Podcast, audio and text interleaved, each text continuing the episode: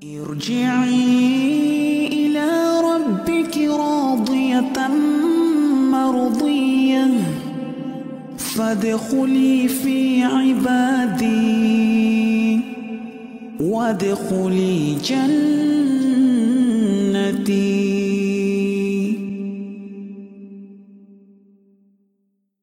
Waalaikumsalam warahmatullahi wabarakatuh. Alhamdulillah. Ana Rahmat Ustadz ini moderator kali ini. Baik. Sehat Ustadz? Sehat, alhamdulillah. Alhamdulillah. Eh, terima kasih Ustadz. Mungkin eh, untuk menyingkat waktu, waktu Langsung aja. silakan langsung aja Ustadz. Baik. Bismillahirrahmanirrahim. Alhamdulillah wassalatu wassalamu ala khairi khalqillah Muhammad ibn Abdullah wa ala alihi wa sahbihi wa man walah ma ba'd. Ayyuhal ikhwah eh, yang menyimak kajian online maupun offline pada pagi hari ini. Karena dalam satu atau dalam dua hari atau mungkin tiga hari ke depan kita akan segera memasuki bulan Ramadan. Maka temanya pagi ini tidak berkenaan dengan tafsir namun khusus berkenaan dengan bagaimana agar ibadah saum atau puasa kita di bulan Ramadan yang sebentar lagi akan kita masuki ini tidak hanya menyisakan lapar dan dahaga. Jangan sampai kita seperti yang disebutkan dalam hadis Nabi sallallahu alaihi wasallam, "Rubba sa'imin hadzuhu min siyamihi al-ju' wal 'atash." Wa rubba qa'imin hadzuhu min qiyamihi as-sahar. Ada kalanya orang yang saum itu dia cuman mendapatkan dari saumnya itu rasa lapar dan kehausan.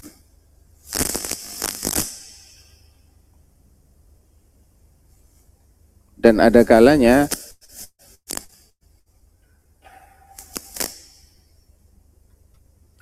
dan ada kalanya orang yang qiyamul lail itu dia hanya mendapatkan begadang saja dari qiyamul lailnya.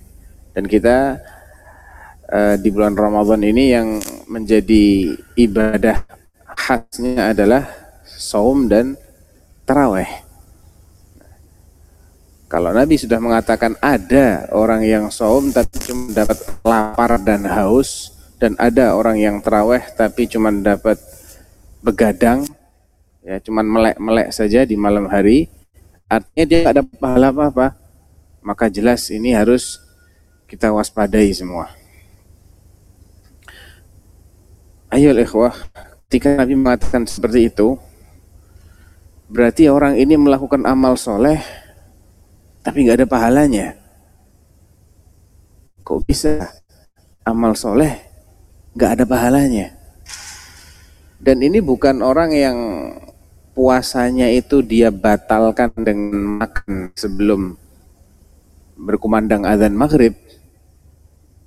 Bukan dengan minum sebelum berkumandang azan maghrib atau melakukan jima. Bukan. Dia melewati puasanya itu dari sejak terbit fajar sampai tenggelam matahari.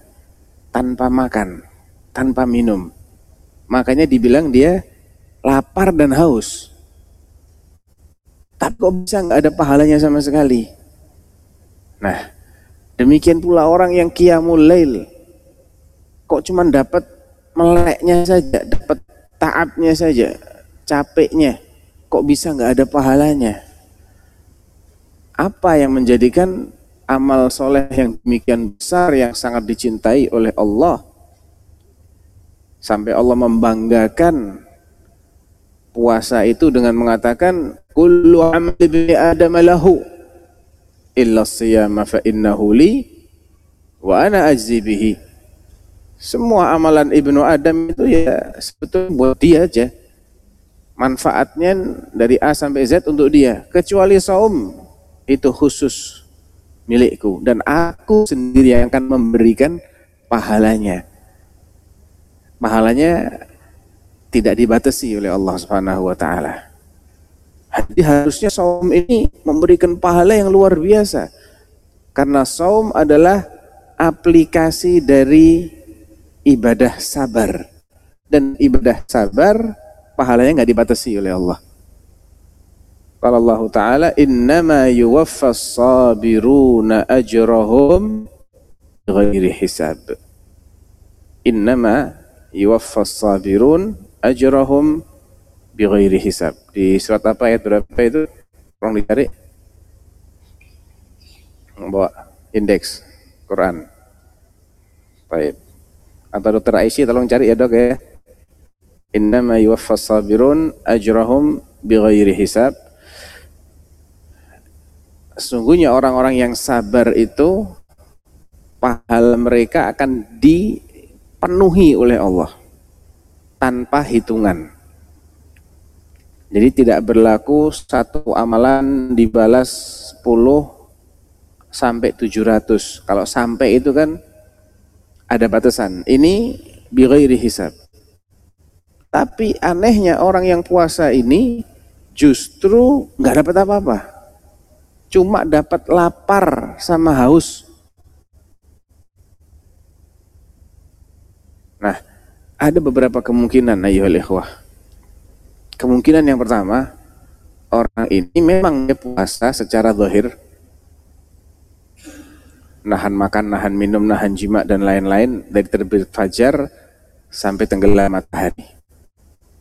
Tapi dia juga melakukan amalan yang membatalkan pahala puasanya. Seperti ria atau sum'ah. Dia puasa semata-mata tujuannya untuk menunjukkan saya ini puasa. Atau untuk dia cerita-ceritakan kepada orang. Alhamdulillah saya puasa hari ini. Ah, saya bisa kerja juga tujuannya cuma untuk cerita-cerita dan ini otomatis akan batal pahala amalnya amalnya sendiri tidak batal dia tidak disuruh untuk mengulang puasanya tapi pahalanya yang batal ya karena ria minasyirk Innallaha la yaghfiru ayyushraka bihi wa yaghfiru ma duna dzalika liman yasha. Dan dia nggak cuma batal, dia juga dapat dosa karena dia berbuat ria. Riaknya menambah dosa sekaligus menghapus pahala puasanya. Jadi minus. Kalau dia melakukan ria atau sum'ah, maka bukan hanya nol tapi minus. Atau kemungkinan lainnya dia melakukan maksiat-maksiat yang mengurangi pahalanya. Kalau maksiatnya ini banyak, maka boleh jadi dia akan menihilkan pahala yang telah didapatkan melalui ibadah saumnya itu. Misalnya, seseorang mendapatkan pahala dari puasa yang dia lakukan itu 100 100 poin. Tapi sepanjang hari dia juga berbuat banyak dosa. Riba, yang orang, bikin fitnah sana sini, menebar berita bohong, melihat eh, apa namanya wanita-wanita yang menyingkap auratnya atau menghadiri majelis-majelis yang di situ sesama muslim diribah dan dia menikmati pembicaraan terkait aib saudaranya. Jangan dikira yang dengerin itu nggak dosa loh. Yang dengerin itu partnernya dalam dosa. Syarikuhu fil ism. Karena nggak ada orang ribah sendirian. Ada orang ribah sendirian? Ngerasani orang lain sendirian ada? Ada. Siapa itu? orang tidak waras. Yang ngomong sendiri kan, ada tapi orang nggak waras. Kalau orang waras, dia hanya mau ribah kalau ada yang dengar. Jadi adanya pendengar itu adalah mitra dari pengribah itu sendiri. Kalau dia nggak dengerin, dia akan hentikan ribahnya. Tapi selagi masih ada yang mau dengeri, akan dilanjut ribahnya. Mungkin satu yang bicara, yang hadir di majelis 100, yang 100 itu kena dosanya ribah semua. Hati-hati loh. Ya. Hati-hati. Apalagi kalau dia menikmati, nggak ada pengingkaran, wah sama, sama persis. Kalau dia ingin mengingkari, dia nggak berani ngomong, minimal nyingkir dari situ, pindah. Kecuali keberadaan dia di situ tidak mendengar, dia tuna rungu, nah itu lain ceritanya. Atau dia tidur, nggak dengar apa-apa. Tapi kalau dia menyimak dan dia diam, dia termasuk yang bersekutu dalam dosa. Syarikuhu fil ism ribah, namimah, bohongin sana, bohongin sini, maksiat ini, maksiat itu. Ketika di total, pahala puasanya cuma 100, maksiatnya 1000. Habis. Ya, karena hisab di akhirat itu seperti hisab dunia, sama persis. Antum punya uang berapa dan antum punya utang berapa yang tersisa itulah harta yang antum akan nikmati. Ya, kalau hartanya sedikit, utangnya banyak, bangkrut dia. Tapi kalau pas-pasan, ya sudah nol. Habis. Selesai utangnya, tapi dia juga nggak punya pahala yang tersisa dari amal solehnya. Jadi, itu salah satu dari hal-hal yang bisa menghapus pahala kita. Jangan lupa, memang Allah melipat gandakan amal soleh. Satu kebaikan dicatat sepuluh kali lipat. Hada min rahmatillah. Tapi ada kalanya satu dosa akan menghabiskan semua amal kebaikan. Yang Ana sebutkan tadi belum sampai ke tingkat itu. Belum sampai ke tingkat menghapus semua amal kebaikan. Yang terhapus sebagian, mungkin puasanya saja, mungkin pahala qiyamulailnya saja. Tapi kalau dia sampai terjerumus dalam maksiat yang masuk kategori kufur atau syirik akbar atau nifak akbar alias amalan-amalan yang dikategorikan oleh para ulama sebagai pembatal keislaman yang bisa mengeluarkan seseorang dari Islam ya ini mau puasa sepanjang tahun juga percuma. Percuma dia puasa sepanjang tahun, mau kiamulel sepanjang tahun juga percuma. Ya. Dalam hadis yang lain Nabi Shallallahu Alaihi Wasallam hadis riwayat Abu Hurairah dalam Sahih Al Bukhari Nabi bersabda man lam yada' qaul zur wal amal bihi wal jahla falaysa lillahi hajah fi an yada'a ta'amahu wa syarabah. Hadis riwayat Al-Bukhari. Ini juga memberi isyarat kepada kita bahwa yang penting dalam menjalankan ibadah puasanya itu bukan cuman latihan, tidak makan, tidak minum, tidak jima. Naam itu bagian yang yang tidak terpisahkan dari hakikat saum, betul. Tapi intinya saum itu kan supaya kita bertakwa toh. Kutiba alaikumusiyam kama kutiba ala alladziina min qablikum. Tujuannya apa? La'allakum tattaqun. Supaya kalian bertakwa. Kalau ditanya, apa sih artinya orang bertakwa itu? Apa coba? Orang yang Hah? Taat terhadap perintah dan menjauhi larangan. Pernah dengar orang mendefinisikan takwa orang yang melakukan hal-hal yang dibolehkan? Atau orang meninggalkan hal-hal yang dibolehkan? Enggak kan? Yang namanya takwa itu kalau diperintah nurut. Kalau boleh itu kan tidak ada perintah, nggak ada larangan. Boleh-boleh saja. Perintah khusus nggak ada, sehingga nggak menjadi kewajiban dia. Larangan juga nggak ada, sehingga tidak tidak harus dijauhi. Silahkan dilakukan, nggak juga nggak apa-apa. Pertanyaannya, makan, minum, jima dengan istri, pada dasarnya itu mubah kan? Mubah, boleh. Nah, Artinya kalau cuma itu tidak akan menjadikan orang itu bertakwa. Karena seseorang tidak menjadi bertakwa gara-gara dia melakukan sesuatu yang hukumnya boleh. Tapi orang itu akan menjadi bertakwa apabila dia melakukan sesuatu yang hukumnya wajib atau sunnah atau meninggalkan sesuatu yang hukumnya haram atau makruh. Ya, karena yang ini diperintah, yang ini dilarang melaksanakan perintah, menjauhi larangan. Itu definisi takwa.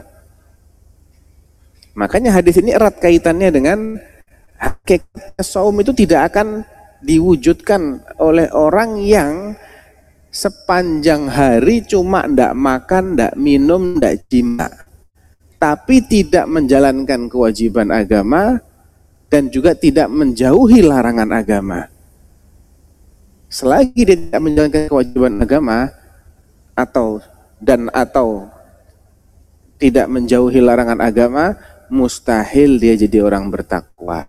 Berarti puasanya sama ndak puasanya sah sama. Jadi kalau dia tetap puasa, yang dia dapatkan apa? Ya lapar, haus.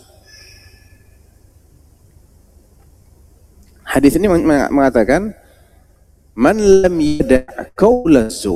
siapa yang tidak meninggalkan selama dia puasa maksudnya karena konteksnya yang dibahas adalah perilaku orang puasa namun dia tidak meninggalkan qaulazur qaulazur itu artinya al-kadzib wa qaulul batil kebohongan dan perkataan yang batil perkataan yang tidak benar dan tidak benar itu bukan karena salah ucap tapi dia tahu ini kebatilan sengaja dia suarakan.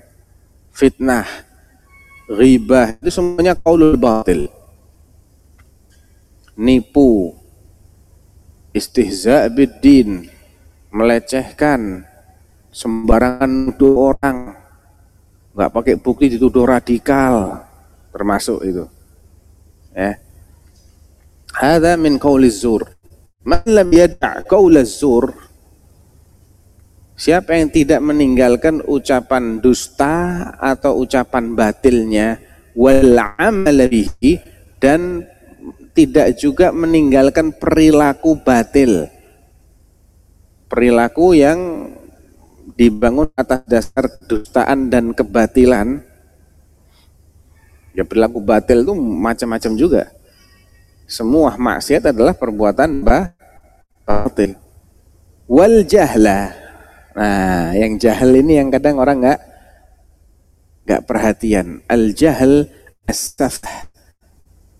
Dia tingkah lakunya orang jahil, tingkah laku konyol, nggak pantas. Baik terhadap dirinya atau terhadap orang lain. Iseng-iseng puasa tapi dia berbuat iseng kepada orang lain, tidak ada manfaatnya. Bahkan mungkin menimbulkan gangguan. Termasuk juga semua jenis maksiat karena maksiat itu adalah perilakunya orang jahil.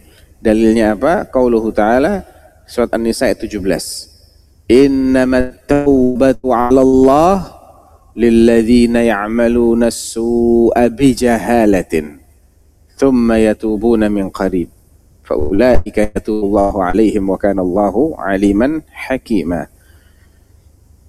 Qala Ibnu Abbas radhiyallahu anhu, kalau zahirnya ayat ini terjemahannya di Quran terjemahan versi Kemenak kurang lebih ya, saya nggak apal. Tapi ada kata-kata lantaran kejahilan.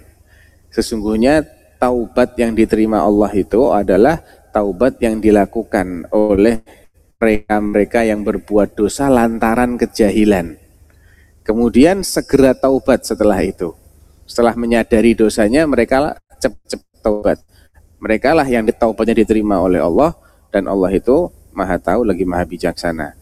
Lantaran kejahilan itu bukan berarti kalau dia sengaja sudah tahu dosa tetap dibuat malah diampuni. Eh, enggak enggak diampuni dosanya bukan. Kan nanti konteksnya?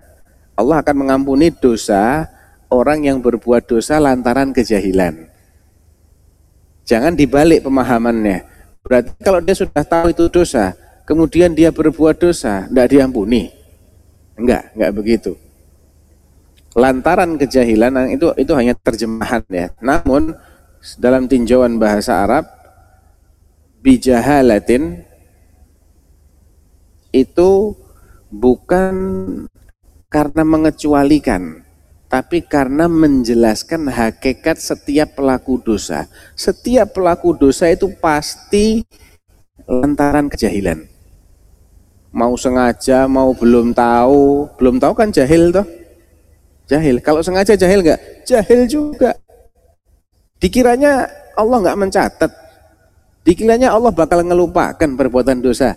Dikiranya kemudian dia tangan terbebas begitu saja dari sanksi. Itu juga bentuk kejahilan. Jadi semua pelaku dosa adalah pelaku kejahilan. Makanya hadis ini man lam yada' qaula zur wal amal bihi wal jahla ay wal ma'asi wal dhunub. Tidak meninggalkan ucapan dusta, ucapan batil, perbuatan batil dan setiap maksiat, perilaku-perilaku konyol termasuk di sini maksiat secara umum. Apa hasilnya akibatnya apa? Falaisa lillahi hajah fi an yada'a ta'amahu syarabah. Allah enggak butuh sedikit pun terhadap lapar dan hausnya dia selama puasa. Ibn Abbas mengatakan dalam tafsirnya man amila su fahuwa jahil min jahalatihi amilatsu. Siapa yang berbuat dosa, dia adalah orang jahil. Dari kejahilannya ini, lahirlah perbuatan dosa itu. Makanya orang yang bisa meninggalkan dosa itu adalah orang-orang yang takut kepada Allah. Dan yang takut kepada Allah cuma innama yakhshallaha min ibadihi al-ulama. Makin berilmu dia, makin tinggi rasa takutnya, otomatis dia akan semakin jauh dari semua atau berbagai dosa dan dan maksiat. Dari hadis ini ada beberapa faedah. Yang pertama, bahwa orang yang sedang saum itu lebih dituntut untuk menjauhi segala dosa dan maksiat walaupun kita sepanjang umur kita tetap diperintahkan untuk berbuat wajib dan menjauhi yang haram, untuk melaksanakan kewajiban dan menjauhi yang yang dilarang. Itu kita sepanjang sepanjang masa seperti itu selama kita masih hidup dan kita masih punya akal, akal kita sehat, nggak error, nggak hilang akal, maka kita dianggap sebagai mukallaf, makhluk yang apa? mukallaf. Mukallaf itu terkena aturan. Aturan itu perintah atau larangan. Walaupun kita selalu seperti itu selama kita masih punya akal, tapi ketika kita saum puasa, maka perintah ini lebih ditekankan lagi. Karena puasa ini untuk mencetak orang bertakwa. Sehingga harusnya yang tidak puasa dengan yang puasa lebih bertakwa yang puasa. Nah, jadi semakin dia dituntut untuk menunaikan kewajiban. Lah saya juga selama ini sudah menunaikan kewajiban. Kalau gitu tingkatkan kualitasnya. Biasanya ya sholat, lima waktu sholat, tidak pernah bolong sholatnya. Ya, tingkatkan kualitas sholatnya, lima waktunya itu baru namanya ada peningkatan ketakwaan. Kita akad ala saim menjadi sangat ditekankan bagi orang yang sedang saum itu untuk meninggalkan dosa-dosa dan maksiat lebih daripada orang yang tidak saum. Kalau tidak begitu, sama aja antara saum ya misal nih biasanya kalau tidak saum dalam sehari itu dia ada ribahnya, ada bohongnya, ada usilnya sama orang lain, ada meninggalkan, melalaikan tugas-tugasnya. Setelah saum tetap kayak gitu, ya percuma saumnya. Tidak ada artinya dia puasa. Harusnya ketika dia saum, naik dia, meningkat kualitasnya. Yang kedua, hadis ini menunjukkan bahwa dosa dan maksiat yang diungkapkan dengan istilah qaulazur wal amala bihi wal jahl. Ucapan dusta, ucapan batil, perilaku batil dan perilaku kejahilan yang meliputi semua jenis maksiat ini mempengaruhi ibadah saum kita. Walaupun tidak membatalkan secara otomatis membatalkan keabsahannya itu tidak otomatis memang. Ada di antara maksiat yang akan membatalkan puasa ada. Seperti ya kalau dia melakukan makan atau minum atau jima di siang hari bulan Ramadan kalau makan dan minum itu mungkin karena lupa tapi kalau jima kayaknya sulit ya terjadi karena lupa yang pernah terjadi jima karena nggak kuat terjadi itu di masa Nabi SAW dan Nabi menyuruh dia untuk bayar kafarah. Artinya tetap salah itu. Ada kesalahan-kesalahan maksiat yang itu membatalkan puasa. Tapi yang lebih banyak tidak disadari adalah maksiat-maksiat yang tidak membatalkan keabsahan puasanya, tapi membatalkan ajar puasanya. Pahala puasanya yang batal. Jadi dosa maksiat itu berpengaruh terhadap kualitas ibadah puasa kita bisa menodai, bisa ngurangi, bahkan bisa menghabiskan. Mungkin tersisa sedikit atau bahkan habis malah dia bisa minus. Bisa minus. Ya. Dan puasa ini adalah madrasah tarbiyah bagi seorang muslim untuk menjadi orang yang yang bertakwa untuk lebih taat kepada Allah. Makanya kalau kita ingin meneladani, teladanilah bagaimana Rasulullah SAW di bulan Ramadan pasti ada banyak hal yang berbeda dibandingkan dengan di luar bulan Ramadan. Selain ada tambahan ibadah saum dan qiyam, tapi secara uh, keseharian juga beda Rasulullah itu. Fisahihain disebutkan oleh salah seorang sahabat, saya lupa nama sahabatnya, Ibn Abbas kalau nggak salah. Karena Rasulullah Shallallahu Alaihi Wasallam ajwadan nas. Nabi itu memang sudah orang yang paling dermawan sudah orang yang kami kenal yang paling gampang ngasih santunan ya Nabi. Mau dibandingkan siapa pun tetap kalah sama Rasulullah. Itu Nabi secara umum. Wa kana ajwada ma yakunu fi Ramadan. Dan Nabi akan lebih dermawan lagi, puncak kedermawanan Nabi itu adalah di bulan Ramadan hina ya'tihi Jibril fayudarisuhul Quran. Ketika Jibril datang kepada beliau untuk tadarus Al-Quran. Fakana ajwada minar rihil mursalah.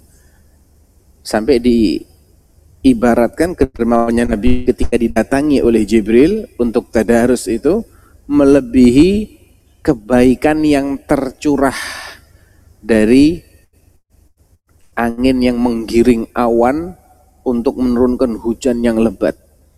Air hujan itu kan tidak ter apa banyaknya luar biasa kan. Nah, banyaknya kebaikan Nabi di bulan Ramadan itu diibaratkan melebihi itu. Kemudian ijtihadnya Nabi dalam beribadah. Kana yajtahidu.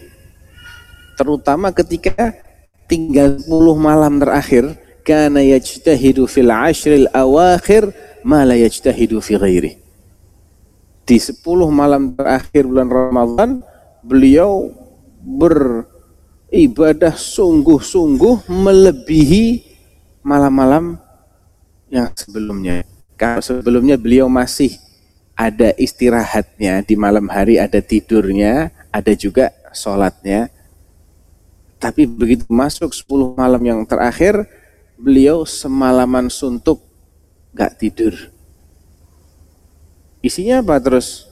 Ya sholat, tilawatul Quran, zikrullah, doa. Ya. Pokoknya isinya ibadah, semalam suntuk, dibalik istirahatnya di siang hari. Karena apa? Di maha, di salah satu dari malam 10 malam terakhir itu ada Lailatul Qadar dan Nabi memburu itu. Karena siapa yang mendapatkan keutamaan Lailatul Qadar, maka itu akan lebih baik dibanding dia ibadah seribu bulan yang tidak ada Lailatul Qadarnya. Kemudian salah satu yang menjadi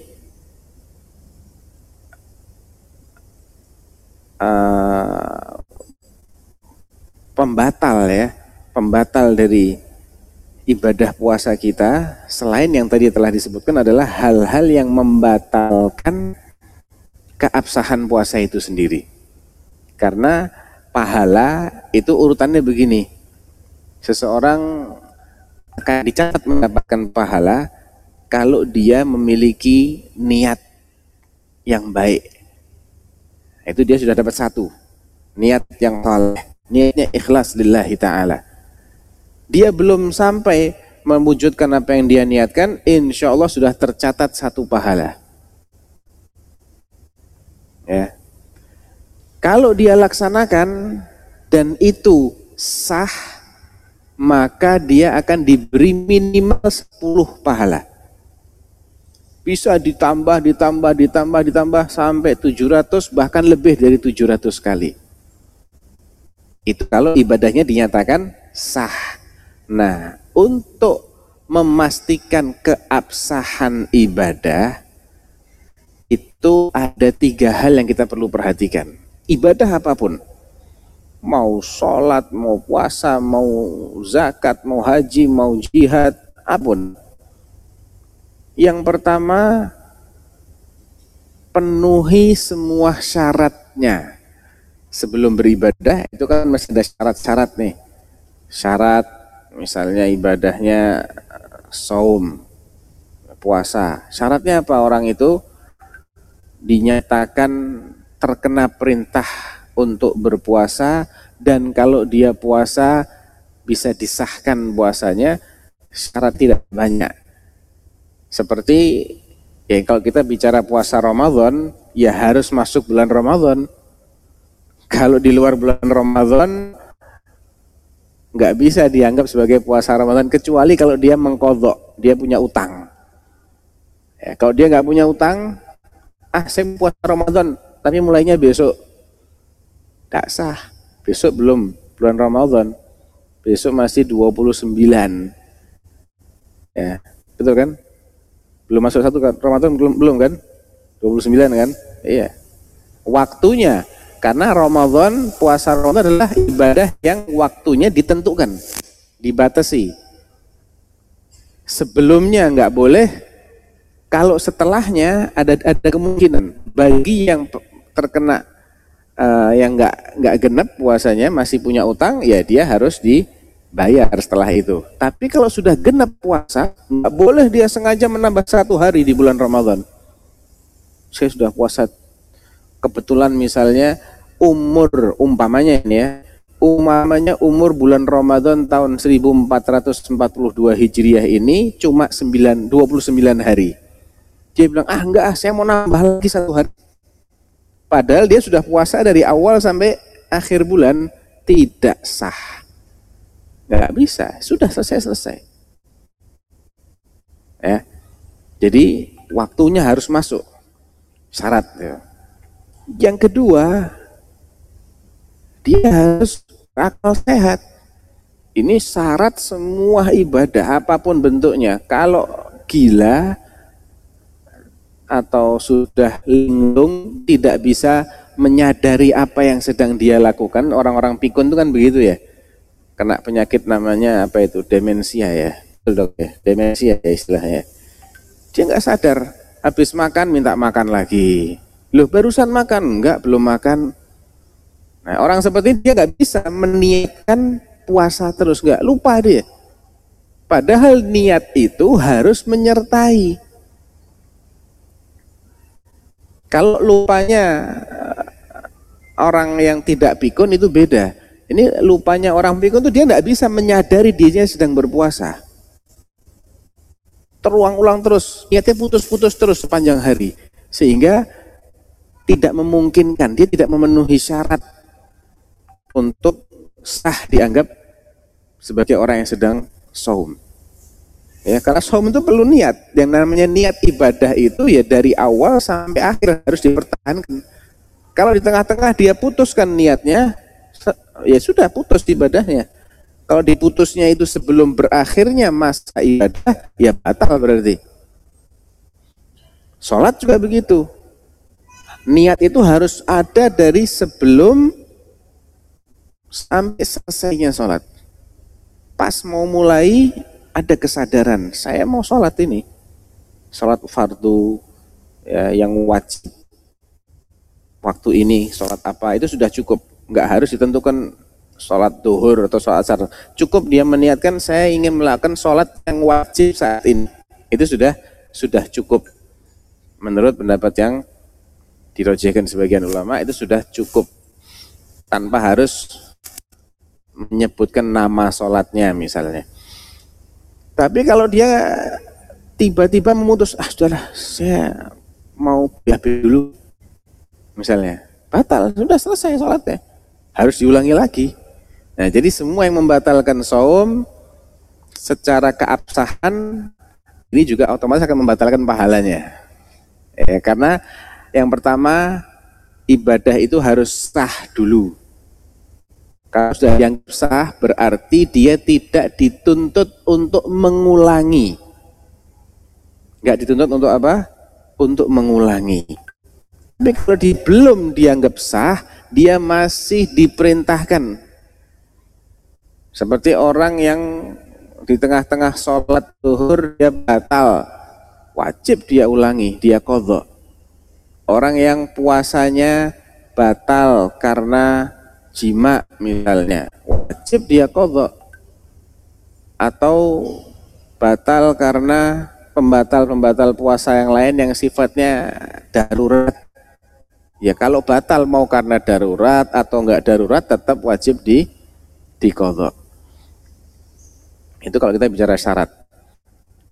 Jadi syarat itu sesuatu yang belum merupakan inti dari ibadah ya dia masih di luar hakikat ibadah namun keberadaannya ini mutlak harus diwujudkan.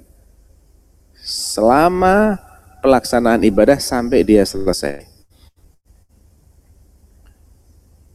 Selain menjaga terpenuhinya syarat-syarat termasuk syarat juga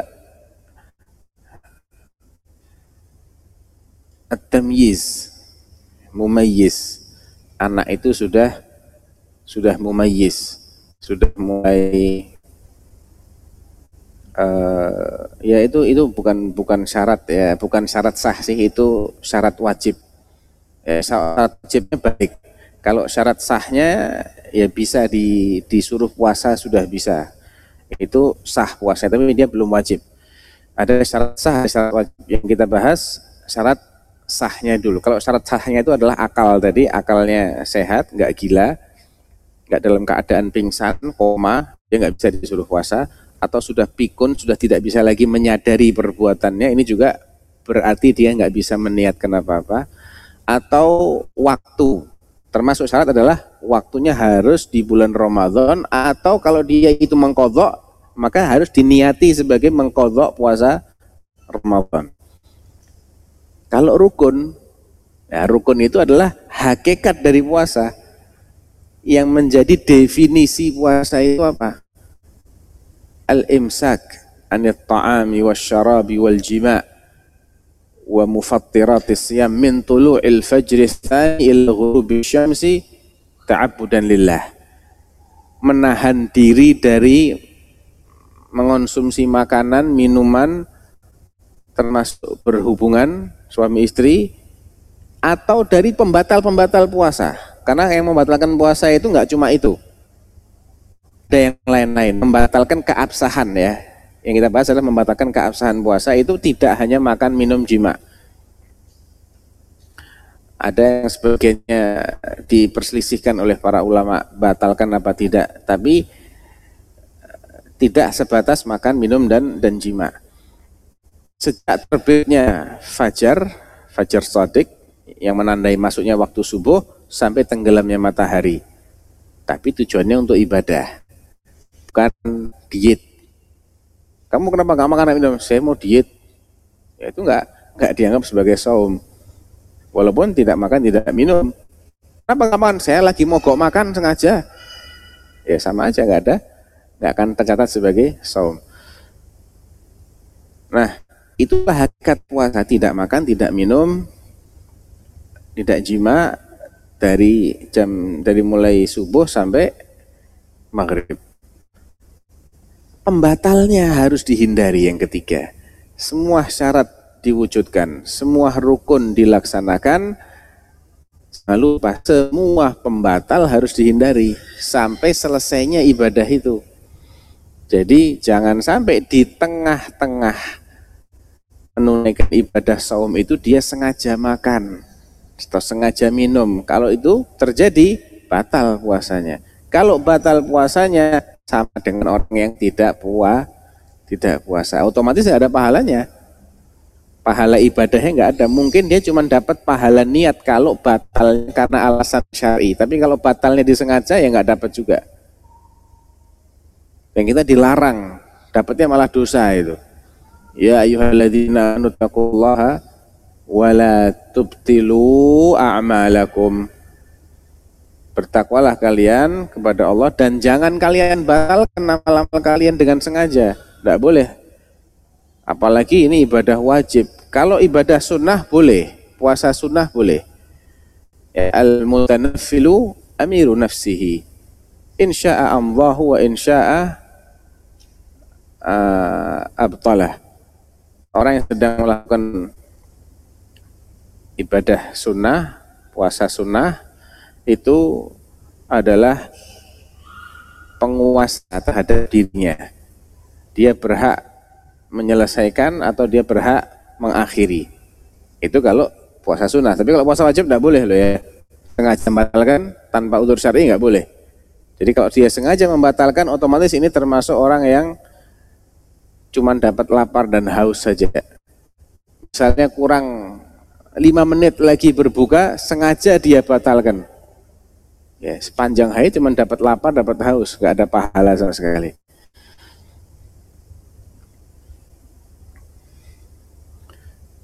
Jadi intinya, ya ikhwah supaya Ramadan kita ini lebih bernilai ya, nggak cuma kelaparan dan kehausan, kita harus perhatikan, kita harus belajar untuk meninggalkan semua kebiasaan-kebiasaan buruk kita. Ya. Perhatikan ingat-ingat apa yang termasuk dosa keseharian kita itu apa. Ada kalanya mungkin dosa sehari-hari atau dosa mingguan ada dosa bulanan tergantung kebiasaan dia. Kalau orang punya kebiasaan bikin majelis duduk kumpul-kumpul ngerasani tiap habis Jumat misalnya berarti ini dosa mingguan harus di disudahi habis Jumat mending pulang aja ke rumah daripada nanti terseret ngerasani orang lain. Ada kebiasaan ngelihat sinetron Tidak ada sinetron di Indonesia yang pem- pemeran itu semua menutup aurat, tidak ada. Tidak jadi sinetron itu. Ya. Pasti ada yang ngumbar aurat. Dan itu serial. Subhanallah di bulan Ramadan biasanya ditambah yang gitu-gitunya. Ya. Pinternya setan itu. Ditambah itu serial-serial makin menarik. Hati-hati. Jangan sampai itu justru menjadikan ibadah saum kita tidak ada nilainya di sisi Allah. Sudah putus. Ulama-ulama kita itu kalau bulan Ramadan putus hubungan sementara dengan dengan ilmu syar'i. Bayangkan. Imam Malik yang punya kajian hadis tidak pakai libur sepanjang tahun, khusus bulan Ramadan tutup itu muwataknya kitabnya muwatta enggak libur dulu kajiannya beliau fokus baca Al-Quran dari mushaf lah ini kok biasanya enggak nonton sinetron bulan Ramadan malah dipentengin itu sinetronnya enggak tahu kalau acara-acara bola juga ada bulan Ramadan ada ya enggak ada Hah? menjelang sahur banyak Nah, ya sama. Sama aja karena maksiat itu nggak cuma selama kita puasa larang enggak loh. Yang namanya maksiat yaitu sepanjang hari dilarang. Ya, artinya kalau dia melaksanakan ibadah saum di siang hari, malamnya dia maksiat, nihil lagi nanti pahalanya. Ya, bahkan malah bisa minus. Jadi Hati-hati, banyak loh godaan-godaan selama bulan Ramadan itu jangan dikira, ah tenang aja setan kan dibelenggu. Iya. Tapi kata sebagian ulama itu hanya mardatu syayatin. Buktinya apa? Buktinya hadisnya Abu Hurairah. Hadisnya Abu Hurairah di Sahih Bukhari. Abu Hurairah pernah disuruh jaga zakat fitrah yang berupa kurma ya ada tempat pengumpulan kurma-kurma untuk zakat fitrah berarti kan bulan Ramadan ini yang sudah Abu Hurairah pas malam-malam didatengin oleh Pak Tua tahu-tahu ngambil aja dia gak pakai izin ditangkap sama Abu Hurairah kenapa kamu ngambil aduh saya ini orang miskin anak istri saya kelaparan, saya lapor ke kamu Rasulullah, jangan, tolong, jangan, udah sekali toh ini saya tidak akan balik lagi. Ya sudahlah, pergi sana. Cerita ke Rasulullah. Tawa Rasulullah, kau dibohongi sama dia. Ud, nanti akan balik lagi nanti malam. Ditunggu nih sama Abu Hurairah. Balik, set ngambil lagi, tangkap lagi. Sama alasannya Kesian lagi Abu Hurairah. Ya sudah pergi sana. Lapor lagi. Ah, dibohongi lagi kamu. Nanti malam balik lagi. Betul. Habis ini nggak tak lepaskan lagi. Ngambil lagi, ditangkap lagi, sudah pokoknya mau tak bawa, sudah tolong sumpah, sumpah. Terakhir, tak kasih tahu nih, tak ajari satu doa, kalau kau baca menjelang tidur tak jadi satu bacaan. Kalau kau baca menjelang tidur engkau akan dijaga dari syaitan sampai subuh. Apa itu? Ayat kursi ya sudah tak lepas cerita lagi Rasulullah ya Rasulullah saya diajarin bacaan sama dia apa bacaannya ayat kursi ya Rasulullah Sodakoka wahwa gazub Ya, kali ini dia jujur sama kamu. Memang itu ayat kursi bisa melindungi dari setan. Tapi dia ini pembohong loh. Kamu tahu nggak siapa dia? Nggak tahu. Setan. Ini setan di bulan Ramadan. Lepas. Sempat nyolong kurma. Ya berarti nggak semua setan yang dibelenggu. Sebagian. Nah kita nggak tahu berapa persen yang dibelenggu sama Allah. Yang kedua, manusia ini selain dibisikin sama setan, dia juga punya hawa nafsu. Tidak ada dalilnya hawa nafsu kita dibelenggu di bulan Ramadan, tidak ada. Makanya maksiat juga di beberapa uh, bagian di beberapa hal makin kencang di bulan Ramadan. Ya. Maksiat maksiat tertentu semakin kencang di bulan Ramadan karena hawa nafsu kita nggak ada yang membelenggu kecuali kita sendiri melawan. Kalau nggak ngelawan ya percuma aja. Jadi bukan berarti tidak ada kemaksiatan di bulan Ramadan. Orang um, mesti lebih mudah dalam beribadah. Belum tentu. Ya. Fadilah memang luar biasa, tapi sesuatu yang berharga itu perlu pengorbanan untuk didapatkan. Tidak ada di dunia ini sesuatu yang berharga yang mudah didapat. Tidak ada. Kalau gampang didapat, mesti nggak berharga. Langka. Atau sulit mendapatkannya. Banyak tapi sulit mendapatkan, mahal. Atau langka, otomatis juga sulit didapatkan kalau langka itu. Nah, itu yang menjadi sesuatu berharga. Oleh karena itu, uh, bulan Ramadan ini hanya akan bisa didapatkan oleh orang-orang yang sungguh-sungguh mencari. Kalau nggak sungguh-sungguh nggak dapat.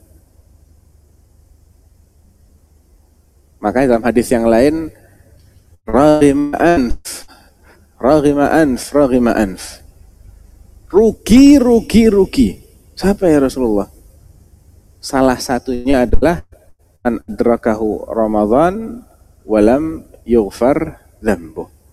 Orang yang mendapati bulan Ramadan namun dosa-dosanya tidak diampuni selama bulan Ramadan. Rugi. Kesempatan emas luar biasa.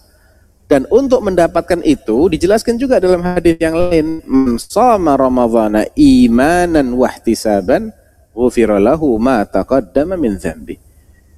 Wa man qama ramadhana imanan wahtisaban ghufira lahu ma taqaddama siapa yang menunaikan siam Ramadan atas dasar iman dan penuh harapan pahala dari Allah dia akan diampuni dosa-dosanya yang lalu. Demikian pula orang yang melakukan qiyam Ramadan atas dasar iman dan mengharap pahala dari Allah maka dosa-dosa yang lalu juga akan di, diampuni. Jadi bulan Ramadan ini bulan yang penuh dengan kesempatan pengguguran dosa. Kalau sampai ada orang hidup selama bulan Ramadan tapi dosa yang nggak diampuni, ini ruginya pangkat tiga. Rugi. Apalagi kalau tambah dosanya. Ya. Taib.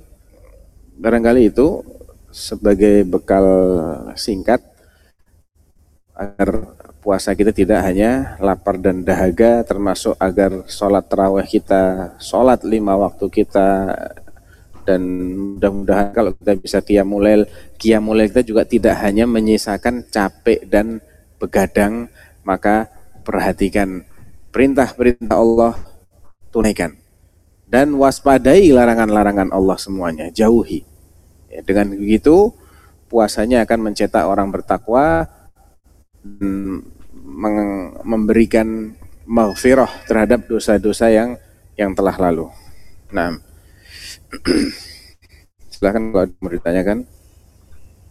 Uh, baik, jazakumullah khairan Ustaz. Mudah-mudahan ini bisa menjadi bekal kita semua. Uh, tadi dikatakan uh, apa yang saya tangkap bahwa puasa ini adalah ibadah sabar hmm. tidak dibatasi pahalanya ya Ustaz. Yeah. Insya Allah. Nah ada beberapa pertanyaan Pak Ustaz ini dari Dewi Ulfastiani.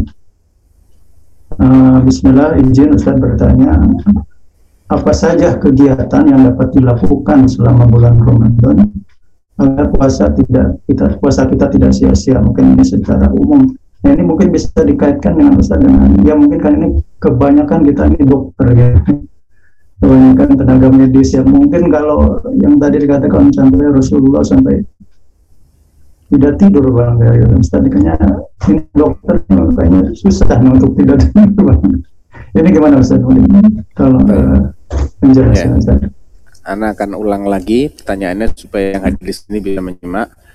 Jadi intinya tadi disebutkan Rasulullah SAW di 10 hari terakhir, 10 malam terakhir beliau sampai tidak tidur dan mengisinya dengan ibadah.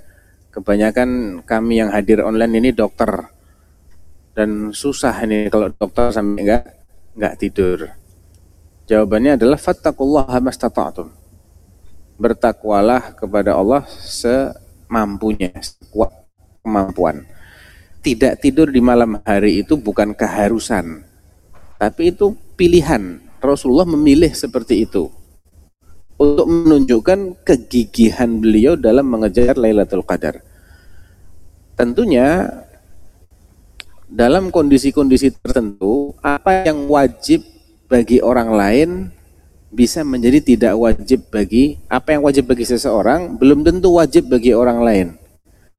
Bagaimana apa yang disunahkan bagi seseorang dalam kondisi tertentu belum tentu disunahkan bagi orang lain apa yang diharamkan bagi seseorang belum tentu diharamkan bagi orang lain dalam kondisi tertentu. Ya. Ketika dia dalam kondisi terpaksa yang sebetulnya itu nggak boleh bisa jadi boleh. Ya, ketika dalam kondisi ideal kembali ke hukum asal nggak boleh. Saya bukan akan memberikan jawaban yang lebih luas daripada sekedar yang ditanyakan ya kalau nggak tidur bagaimana? Nggak ada masalah nggak tidur. Kan antum nggak tidur ini supaya antum uh, atau afan. Bagaimana kalau kita tetap tidur di malam hari? Nggak ada masalah. Bagus. Karena antum punya tugas mulia, dokter. Kalau sampai dokternya tepar siang hari semua, nah mau ngerawat orang sakit siapa nanti? Hah? Ini mana dokternya? Tepar semua Ustadz, semalaman nggak ada yang tidur wah bahaya. Ini fardu kifayah. Bisa-bisa dosa semua ini kita. Ya, jadi hal-hal itu tidak tidak berlaku mutlak. Ada orang-orang yang punya tugas tertentu. Yang tugasnya ini di siang hari dan dia harus menunaikan tugasnya ini secara profesional. Misal dia seorang pilot dia terikat kewajiban berdasarkan akad kerjanya itu untuk menerbangkan pesawat dari titik A ke titik B dan di siang hari bulan Ramadan. Oh, pilot kalau nggak istirahat bahaya itu. Ya, bahaya dia harus fresh, harus fit kondisinya.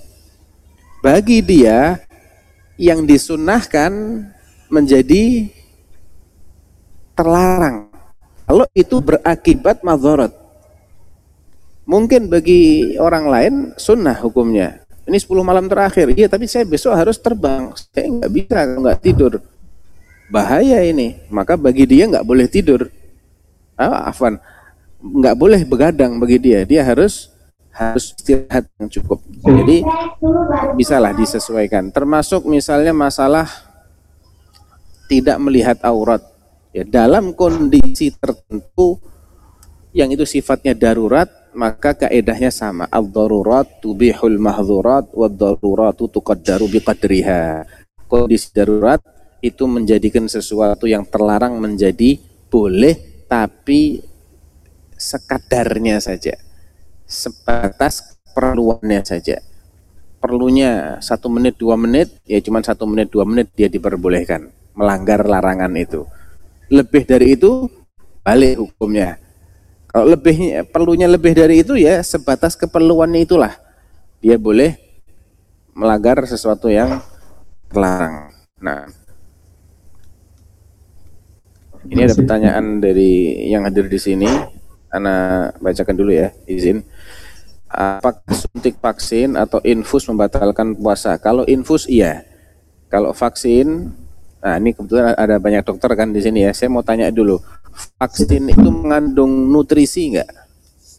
Hmm, tidak, Itu tidak ya. Isi, ya bahan kumannya itu yang tidak diaktifkan, kemudian pengawet pengawet. Jadi isinya bahan kuman yang tidak diaktifkan. Bahan kuman yang di, pengawet. Ya, Enggak ada nutrisinya.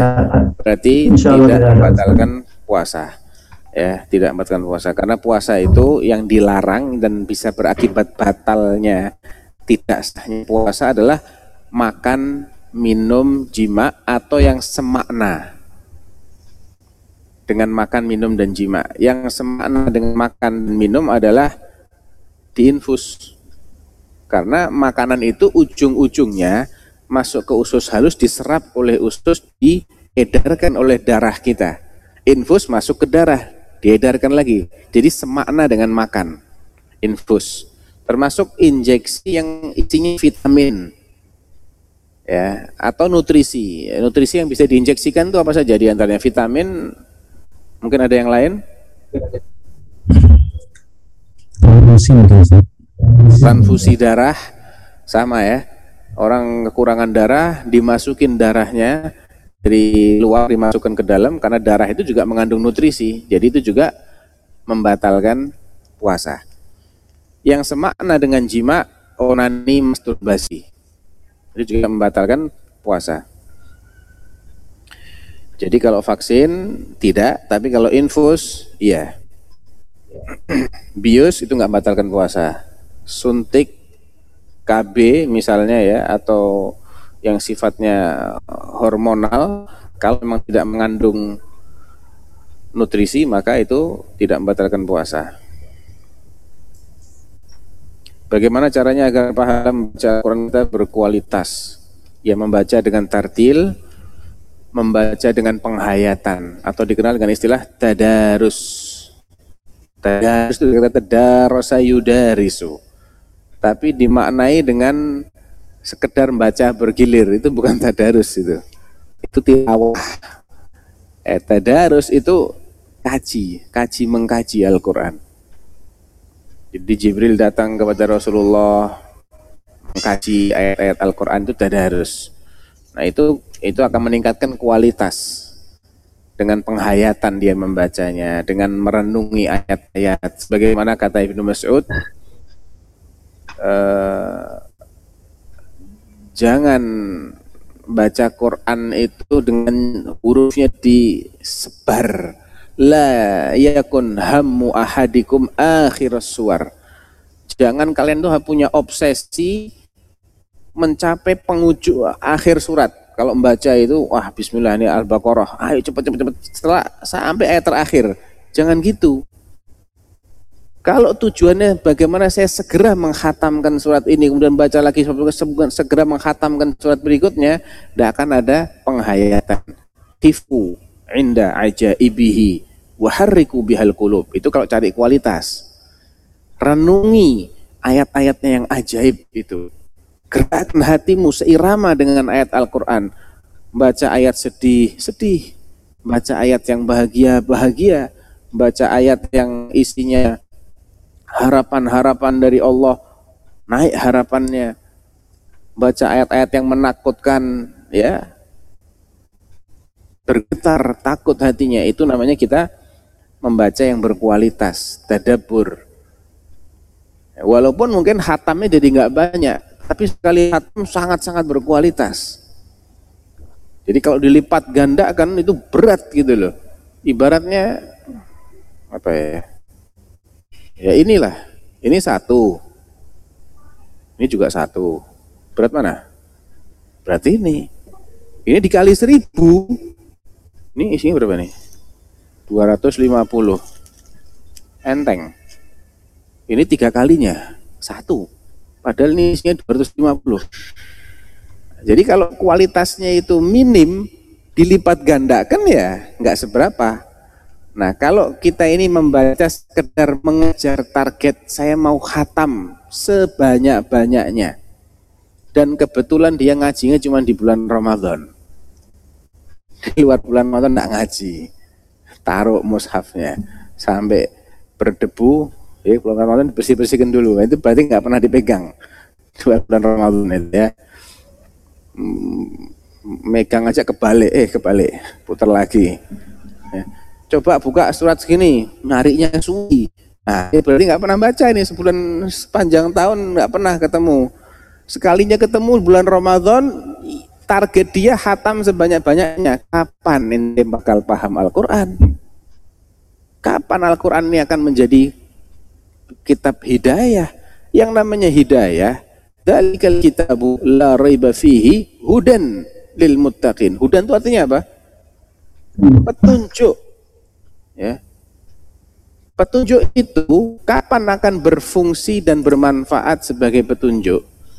Cuman dibaca atau dipahami? Hah? Dipahami. Coba ini kita pergi ke sebuah negara yang kita bisa membaca tulisannya, tapi kita nggak paham artinya apa. Melewat di jalan ada rambu-rambu dibaca, ya. Saya pernah dengar katanya di di Australia itu ada rambu-rambu. If you drive and you are drunk, you are too damn full atau gimana gitu bahasanya. Apa artinya? Jika kamu mengendarai and you drunk dan kamu mabok, berarti kamu ini goblok banget. Kamu sangat sangat bodoh ini orang. Kalau mabuk jangan nyetir. Nah, kalau dia nggak paham, ini apa artinya ini? Eh, percuma, nggak akan dapat manfaat apa-apa. Jakarta, eh, tapi dalam aksara Cina, ya dia ngelihat tulisan itu. Ya mungkin dia bisa tirukan ke eh, aksara Cina dia nggak nggak bisa. Mungkin dalam dalam huruf yang dia bisa baca, tapi dia nggak paham, nggak ada manfaatnya kan? Ya petunjuk tapi tidak bermanfaat sebagai petunjuk. Minim manfaatnya. Ia dapat dapat pahala baca saja. Tapi kapan dia bisa tahu aturan Allah? Kapan dia bisa mengerti halal dan haram? Bisa membedakan mana syirik, mana tauhid, mana iman, mana kufur, mana ta'ah, mana maksiyah? Oh nggak paham. Jadi minim sekali manfaatnya. Jadi kalau suruh milih, kalau di luar Ramadan dia hadiri kajian-kajian, kajian ilmiah, dia hadir kajian tafsir atau fikih ya atau kajian akidah, karena itu semua juga pasti kan bahas ada ayatnya, ada hadisnya. Silahkan di bulan Ramadan fokus baca secara kuantitas. Tapi kalau nggak ada kesempatan, kecuali di bulan Ramadan, maka kualitasnya jangan diabaikan. Ya. Karena ada juga sebagian salaf yang masih membuka majelis tapi khusus tafsir seperti Al-Imam Qatadah. Wa huwa minal mufassirin, dia masih membuka majelis tafsir. Nah. Yang dari online ada pertanyaan? Oh, eh, boleh Ustaz. Eh, dari Naila Ustaz. Eh, Assalamualaikum Ustaz. Kalau puasa Ramadan hari Selasa Ustaz. Nah, hari Seninnya boleh puasa sunnah nggak Ustaz? Nah ini mungkin kalau yang di kita itu mungkin disebut munggahan itu Ustaz. Mungkin kembali Munggahan ke ya. munggahan. Nah, budaya kita munggahan itu seperti mau ke mana gitu kan, akhirnya mau makan makan ini gimana Ustaz? Jadi, nah ini mungkin puasa sunnah boleh nggak gitu ya? Kalau kita bilang mungkin hak min satu gitu. Boleh nggak Ustaz? Jadi pertanyaannya, seandainya Ramadannya itu hari Selasa, boleh nggak hari Senin Seninnya kita puasa sunnah Puasa sunnah. yang dikenal dengan istilah munggahan, gitu ya? Tahu munggahan? Tidak tahu. Itu budaya ya munggahan itu? Ini ada orang Solo tak tanyai munggahan tidak tahu katanya. Siapa yang tahu munggahan angkat tangan? Satu masjid nggak ada yang tahu di sini munggahan. Ada di Bandung aja kali Ustaz. Di Bandung. Oh, pantas kalau di Bandung. Ya, kalau itu saya ke- bertanya kepada yang mengerti tujuannya munggahan itu apa? Munggahannya sebenarnya lebih ke arah apa ya? Mungkin kayak mudik juga, jadi budaya yang terbentuk sebelum puasa mungkin. Hmm. Ya termasuk Tapi yang puasa ya? Oh enggak enggak Ustaz, maaf. Ini, ini lain lagi. Ah, Ke- kebiasaan yang ada gitu ya. Jadi kira jadi ke arah itu puasa sehari sebelum Ramadan. Oh bukan, bukan Ustaz. Jadi jadi ini mungkin pertanyaannya saya tambah mungkin. Jadi dia hari Senin boleh nggak puasa sunnah mungkin sudah baca. Cuman ini Ah, puasa kaitannya sunnah ya. dengan budaya Itu di satu pertanyaan. Jadi sebenarnya Hamin satu itu sebenarnya yang harus dilakukan secara Syar'i. syariat, secara sunnah mungkin apa baiknya. Apa? Oh, baik. Jadi pertanyaan Ya, yang baik. direvisi. Yang pertama, bisa. kan tidak ada hubungannya dengan puasa sehari sebelum Oh, Ramadan. puasa Bu. Budaya. Lebih ke arah Budaya kebiasaan. sendiri. Kayak kalau di kita mungkin ada nyekar gitu ya.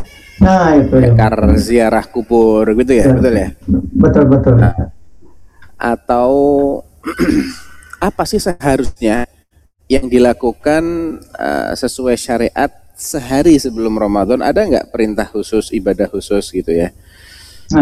Jawabnya, kalau puasa sunnahnya ini dilakukan oleh orang yang memang sudah biasa puasa sunnah sebelum-sebelumnya, sebelum mendekati akhir Ramadan, nggak ada masalah. Nas hadisnya mengecualikan, La tuqaddimu Ramadan bisaumi yaumin wala yaumaini illa rajulun kana yasumuhu falyasumhu. Jangan kalian mendahului bulan Ramadan dengan sengaja berpuasa sehari atau dua hari sebelumnya.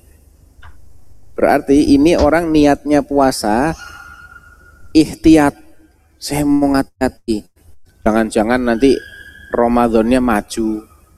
Bukan hari Selasa tapi hari Senin. Saya tak puasa biar nggak kelewat hari pertama bulan Ramadan. Kalau yang seperti ini malah dilarang. Nggak boleh. Ya, nggak ada puasa Ramadan ikhtiat dengan cara seperti itu, berhati-hati dengan cara seperti itu nggak ada. Tapi kalau dia sudah biasa puasa di bulan Sya'ban ya, secara mutlak, kan memang bulan Sya'ban dianjurkan untuk banyak puasa. Rasulullah juga tidak pernah melewati satu bulan yang diisi oleh puasa sedemikian banyak sebagaimana ketika beliau melewati bulan Sya'ban. Hampir full tapi memang nggak full. Hanya hanya dikurangi sedikit. Yang satu bulan itu full puasa hanya Ramadan. Kalau ada bulan apa selain Ramadan yang sangat banyak diisi oleh puasa oleh Rasulullah, yaitulah bulan Sya'ban. Sekarang ini kita masih di bulan Sya'ban. Jadi kalau niatnya ingin puasa Sya'ban nggak ada masalah. Atau dia memang punya kebiasaan puasa Dawud atau puasa Senin Kemis. Silahkan. Karena hadisnya mengatakan kecuali kalau dia memang biasa puasa sebelum itu silahkan dia puasa. Jadi bukan karena ingin mendahului bulan Ramadan dalam rangka berhati-hati. Itu yang enggak boleh. Yang disyariatkan apa sebelum hari apa pada hari pertama sebelum Ramadan anak tidak tidak mengingat adanya ibadah tertentu ya. Kalau ziarah kubur itu dikhususkan saat itu malah menjadi bid'ah. Silakan ziarah kubur, nggak harus di bulan Syaban. Bulan Syaban boleh, boleh, tapi jangan dijadikan sebagai sesuatu yang diyakini memiliki keutamaan tertentu. Ini yang menjadikan sesuatu yang pada dasarnya boleh menjadi bid'ah. Ziarah kubur itu dianjurkan malah pada dasarnya hukumnya dianjurkan. Asalkan tidak dengan safar, tidak dengan melakukan perjalanan jauh semata-mata untuk ziarah. Kalau itu nggak boleh. Tapi misalnya nih, saya pas mudik, niat awalnya apa? Mudik, nggak apa-apa. Artinya sebelum dilarang ya, kalau sudah dilarang ya jangan, jangan melanggar larangan. Ini sebelum dilarang kan, kalau nggak salah mulainya tanggal berapa? 6 Mei ya, 6, Mei- 6 sampai sampai 17 ya. 17 ya. Jadi sebelum larangan mudik itu diberlakukan silakan mau mudik. Berarti kan memang diizinkan oleh pemerintah. Saya mau mudik. Nah, setelah Anda sampai di kampung halaman, nah sekalian saya tak ziarah, nggak apa-apa. Tapi kalau dari awal Anda pulang kampung ngapain? Saya mau ziarah makam orang tua. Niat utamanya itu iya, jangan. Karena Nabi mengatakan la tusyaddur rihal illa ila thalathati masajid. Ya. Oleh karena itu yang dikhususkan itu justru menjadi bermasalah. Biarkan aja eh, longgar waktunya. Ziarah kubur masyru' sepanjang tahun. Artinya tetap menjadi amalan yang dianjurkan. Nabi mengatakan kuntu nahaitukum an ziyaratil qabri fazuruha fa innaha tudzakirukumul akhirah. Dulu aku melarang kalian untuk ziarah kubur, sekarang ziarahilah. Tapi ziarah ya, bukan safar untuk ziarah beda. Ziarah itu namanya dia di kota, dia datengin kuburan, itu namanya ziarah. Orang yang dari satu kota sama kita, dari rumahnya dia ke rumah kita, itu dia namanya zair. Dia datang berkunjung. Bukan dengan safar khusus buat menziarahi kubur, bukan. Kalau itu tidak di disyariatkan, justru dilarang karena itu termasuk ta'zimul amwat, mengagungkan orang yang sudah mati dan itu celah lambat laun akan mengultuskan yang sudah mati dan bisa membuka pintu syirik yang sangat diharamkan oleh Islam. Jadi ziarah kuburnya niatnya bagaimana? Niatnya pulang kampung, pulang kampung aja sudah. Sampai di kampung ada kesempatan ziarah kubur. Ahlan wa sahlan bagus. Nggak ziarah kubur ya nggak apa-apa. Karena nggak ada fadilah khusus bagi ziarah kubur di bulan Syaban fadilah khusus nggak ada. Sama bulan Syaban bulan Muharram bulan sepanjang tahun ziarah kubur itu keutamaannya sama saja dan tidak harus kuburan tertentu juga enggak karena tujuan ziarah kubur itu dua Pertama, mengingat kematian, mengingat akhirat. Jadi kuburan siapa pun memiliki fungsi yang sama di sisi ini. Hatta kuburan orang kafir. Betul. Cuma jangan didoakan. Jangan assalamualaikum, jangan. Ya masuk masuk aja. Oh, ini yang kemarin jadi raja itu, subhanallah. Ini yang kemarin jadi orang yang diktator mati juga dia ternyata. Bisa kita mengingat gitu loh. Ya. Yang kedua adalah mendoakan mereka. Memintakan kebaikan untuk mereka. Bukan minta kepada mereka. Hati-hati. Memintakan kebaikan. Kita mintanya sama Allah, ya Allah, ampuni mereka. Rahmati mereka. Lapangkan kuburnya. Ini muslim ya. Yang di yang diziarahi kuburannya muslim. Makanya doanya kan Assalamualaikum ahlad diyari minal muslimina wal mu'minin. Salam sejahteranya hanya ditujukan kepada penghuni kubur yang muslim dan mukmin. Antumus sabiqun wa nahnu insyaallah bikum lahiqun. Yaghfirullahu lana wa lakum. Ya, semoga Allah mengampuni kami dan mengampuni kalian. Kita akan nyusul kalian. Nah, itu kalau yang dikunjungi kuburan muslim. Kita nginget mati sekaligus mendoakan. Mendoakan mereka kan ibadah. Tapi kalau kita minta sama mereka, jadi akbar. Batal amal ibadahnya. Jadi hati-hati. Nah. Hah? Bawa HP ya, nah? Suruh pindah ke Telegram aja.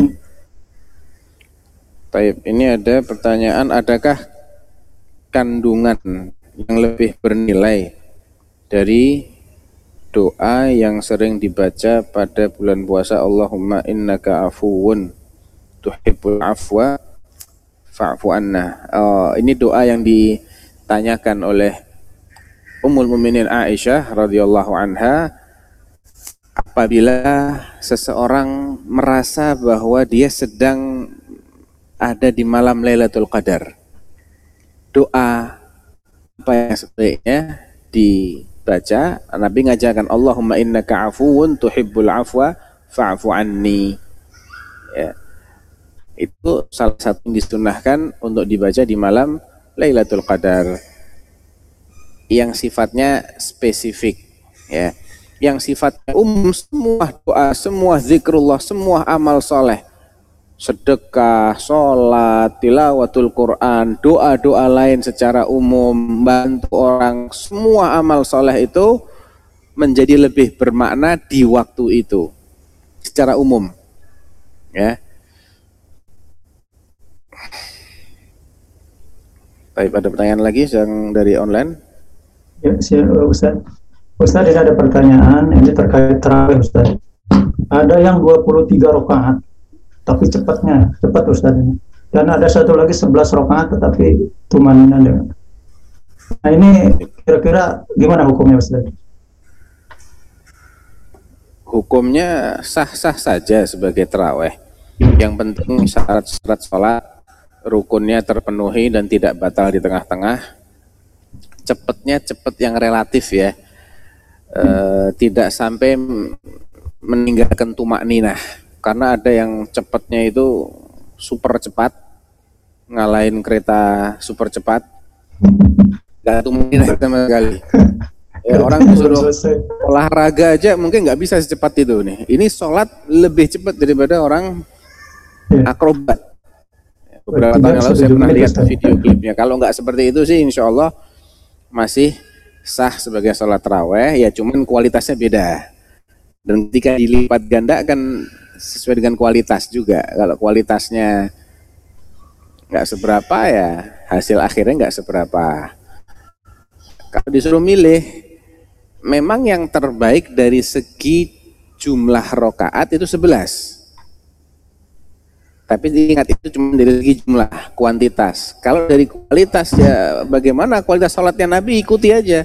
Itu yang ingin mencari kualitas. Kalau disuruh memilih 11 setengah jam ataukah 23 satu jam, ya 23 satu jam lebih baik daripada yang 11 setengah jam karena dia lebih banyak menghabiskan waktu malam dengan dengan ibadah. Intinya di situ. Ini ada lagi pertanyaan eh, untuk wanita yang pada saat Ramadan masuk masa masa haid apa saja amalan maksimal yang bisa dilakukan supaya di bulan Ramadannya tidak sia-sia? Terutamanya pada Qadar bisa zikrullah bisa doa bisa sedekah bisa nggak ribah nggak namimah banyak. Tinggalkan semua yang diharamkan oleh Allah dengan niat ibadah. Itu ibadah laksanakan semua ibadah yang tidak dilarang ketika haid. Yang dilarang ketika haid sih? Puasa sholat jima. Ya jangan. Ya siang ya malam nggak boleh. Nggak boleh sholat nggak boleh puasa nggak boleh jima. Sampai selesai dari haidnya plus tawaf. Kalau nggak di Saudi ya nggak nggak usah lah. Ya. Itu aja kok yang dilarang. Sedekah nggak dilarang berkata-kata baik nggak dilarang bantu orang lain birrul walidain tilawatul Quran asalkan tidak menyentuh mushaf secara langsung. Pakai HP misalnya. Ya buka aplikasi yang antum sentuh itu layar. Bukan bukan mushafnya. Jadi kalau pakai HP pakai tablet atau pakai sarung tangan nggak ada masalah baca Quran. Boleh. Zikir tasbih tahmid takbir tahlil itu semua eh, ibadah-ibadah yang, yang dianjurkan. Sedekah ya, walaupun cuman ngasih kurma tiga biji ya, jangan dilihat jumlahnya. Tiga biji ini bagi orang yang cuman punya tiga itu sudah luar biasa. Betul. Ya Aisyah radhiyallahu anha pernah didatengin oleh seorang wanita miskin sambil menggendong dua orang putrinya minta makan. Dikasih sama Aisyah tiga butir kurma. Maksudnya satu buat ibunya satu lagi anaknya satu lagi anaknya. Pas. Satu-satu. Pas anaknya sudah dikasih satu kasih satu sisa satu. Mau dimakan sama ibunya anaknya minta lagi. Dibelah dua. Separuh separuh Aisyah takjub dengan ibunya ini. Diceritakan kepada Rasulullah apa kata Rasulullah? Innallaha qad aujaba laha bihal jannah au a'taqaha biha minan nar. Gara-gara sedekahnya tadi itu Allah memberikan jannah untuknya atau membebaskannya dari neraka. Eh? la tahkiranna minal ma'rufi syai'an.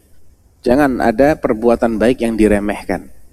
Kalau niatnya ikhlas dan bagi dia itu sudah luar biasa. Bagi dia ya Allah nggak lihat nggak bandingkan amalan satu orang dengan orang lain kok. Nggak. Kata Nabi apa? Dirhamun sabaqa mi'ata dirham. Satu dirham itu bisa mengalahkan seratus dirham. Kok bisa ya Rasulullah? Ada orang cuma punya dua dirham dia infakkan satu dirham. 50% kekayaan dia dia berikan. Walaupun nilainya cuma berapa? Satu. Yang infak 100 itu hartanya 1000 dirham. Dia cuma infak berapa persen? 10 persen. Di mata Allah pahalanya yang satu dirham lebih besar daripada pahalanya yang 100 dirham. Karena dia itu lebih bernilai bagi seseorang. Ya, makanya ketika ditanya tentang udhiyah kayak apa yang paling afdol sih? Wahai Rasulullah. Qala asmanuha. Fi riwayah wa aghlaha thamanan. Wa fi riwayah wa anfasuha inda ahliha. Udhiyah hewan kurban yang paling gemuk yang paling mahal harganya. Karena biasanya kalau mahal itu ukurannya juga lebih besar. Bukan berarti jangan ditawar tawar. Tawar orang beli. Ya, kalau bisa dari dengan satu juta dapat dua ekor kenapa tidak? Karena dua ekor lebih banyak daripada satu ekor artinya harga mahal itu bukan berarti kita nggak boleh nawar tetap ditawar dan di riwayat yang lain yang paling dieman-eman, yang paling disayang sama pemiliknya. Karena dulu itu mereka itu mengorbankan hewan ternaknya sendiri. Lainnya antum beli di pasar. Tidak ada ikatan batin apa-apa, antum tidak pernah melihara, ya enggak? Coba dipelihara dari kecil. Tahu ini induknya, ya Allah, ini saya tiap hari saya mandi. Ada tuh teman saya, dia punya kambing, dimandiin kambingnya. Saking sayangnya, gemuk, lucu, disembelih lillahi ta'ala, besar pahalanya. Besar karena apa? Dia korban. Korban ini. Ini saya cintai ya Allah, saya sayang ini hewan peliharaan. Tapi dia lebih mencintai Allah Subhanahu wa taala. Jadi nggak dilihat jumlah. Mungkin orang beli 10 ekor dengan orang mengorbankan satu-satunya binatang peliharaan dia. Sengaja dia beli dari kecil. Dia nggak punya duit kalau belinya udah gede. Piara dari kecil. Anak-anaknya sudah mulai seneng. Nggak ini buat kurban besok. Nangis anaknya ndak buat kurban. Itu lebih besar pahalanya. Dibandingkan mungkin loh ya Allah alam mungkin lebih besar dibandingkan yang mengorbankan lebih dari satu ekor. Jadi kualitas itu sangat berpengaruh nah pertanyaan terakhir kalau ada dari Bisa, online. Ya masih bisa. Uh, Ustaz ini ada pertanyaan mengenai itikaf wanita yang head boleh nggak di masjid Ustaz? Wanita head boleh nggak itikaf di masjid? Wanita head iktikaf di masjid. Uh, seingat anak pernah kita bahas di Dewan Fatwa dulu karena uh, larangan yang sifatnya qat'i itu cuma satu hadisnya dan hadis itu dianggap lemah oleh Imam Al-Bukhari sehingga pada dasarnya tidak ada larangan. Selagi dia bisa menjaga tidak sampai mengotori masjid dengan darah haidnya. Ya selagi dia bisa menjaga untuk tidak mengotori masjid dengan darah haidnya maka hukum asalnya tidak ada larangan bagi wanita haid untuk diam di masjid. Eh, yang penting dia nggak Ya. nggak ikut sholat. Tapi tapi ya kalau masjid ini sempit dan yang menggunakan banyak untuk sholat maka dia harus ngalah karena yang lebih berhak terhadap masjid adalah orang yang mau sholat itu yang paling berhak untuk menggunakan masjid ya dia harus ngalah ketika ada yang mau pakai untuk sholat.